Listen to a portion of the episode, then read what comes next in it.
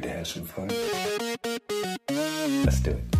Welkom bij De Makers, de podcast waar je alles hoort over leven en ondernemen als creatieve maker, artiest of kunstenaar.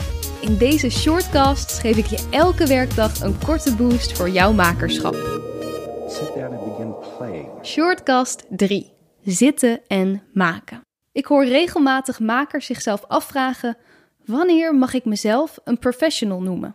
Alleen als ik ervoor heb gestudeerd of als het mijn grootste bron van inkomsten is?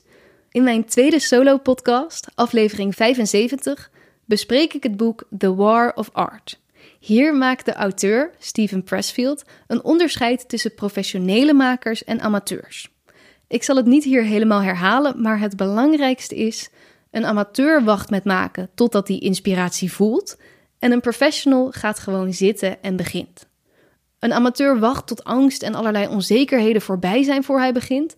De professional weet dat deze niet voorbij zullen gaan en gaat ondanks deze angsten, onzekerheden of andere redenen om het niet te doen, toch aan de slag. Voor veel makers is het allermoeilijkste van maker zijn het gaan zitten en aan de slag gaan.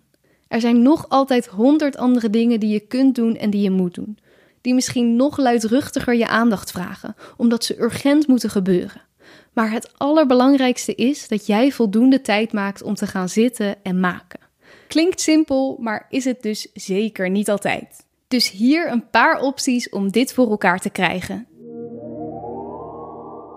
Voor veel creatieven voelt het onmogelijk om acht uur achter elkaar te gaan zitten maken. En dat is helemaal niet gek. Sommige dingen kun je gewoon niet acht uur achter elkaar doen. Dus als het te intimiderend voelt om hele dagen in je agenda vast te zetten, begin dan eens met dagdelen. Of misschien zelfs een paar uur. In aflevering 6 vertelde Lisa Osterman dat zij, toen ze meedeed aan het Amsterdams Kleinkunstfestival, zichzelf de gewoonte had aangeleerd om elke dag te beginnen met twee uur te schrijven. Die twee uur waren heilig en de rest van de dag kon ze dan besteden aan andere dingen doen. En ze hoefde zich niet schuldig te voelen, want wat er ook gebeurde de rest van de dag, ze had die twee uur gedaan. En ja, misschien komt er op het ene moment twee uur lang niks uit je vingers en is het vechten tegen de klok. Maar het andere moment zal het voorbij vliegen en blijf je misschien zelfs wel wat langer zitten. Het maakt dus echt niet uit dat je tijdens een maaksessie geen inspiratie hebt, of dat het gewoon niet lukt, of je gefrustreerd raakt, want ook dat is uiteindelijk vruchtbaar, omdat je je hersenen weer in die maakmodus hebt gezet. Maar martel jezelf ook geen uren lang dan krijg je een negatieve connotatie bij het idee van maken, van aan de slag gaan. Met een negatieve connotatie bedoel ik dat als de vorige keer het maken voor jou echt heel moeizaam was, dat dan de volgende keer als je gaat maken gelijk dit negatieve gevoel weer opkomt. En dat wil je natuurlijk niet. Dus als je nou een half uur bezig bent en er nog steeds niks uitkomt, ga dan even een rondje lopen. Doe even iets totaal anders en kom daarna weer terug. Ruben Heijn vertelde in aflevering 4 over een belangrijk punt dat regelmatig voorbij komt in zijn maakproces. Het punt dat het ingewikkeld wordt.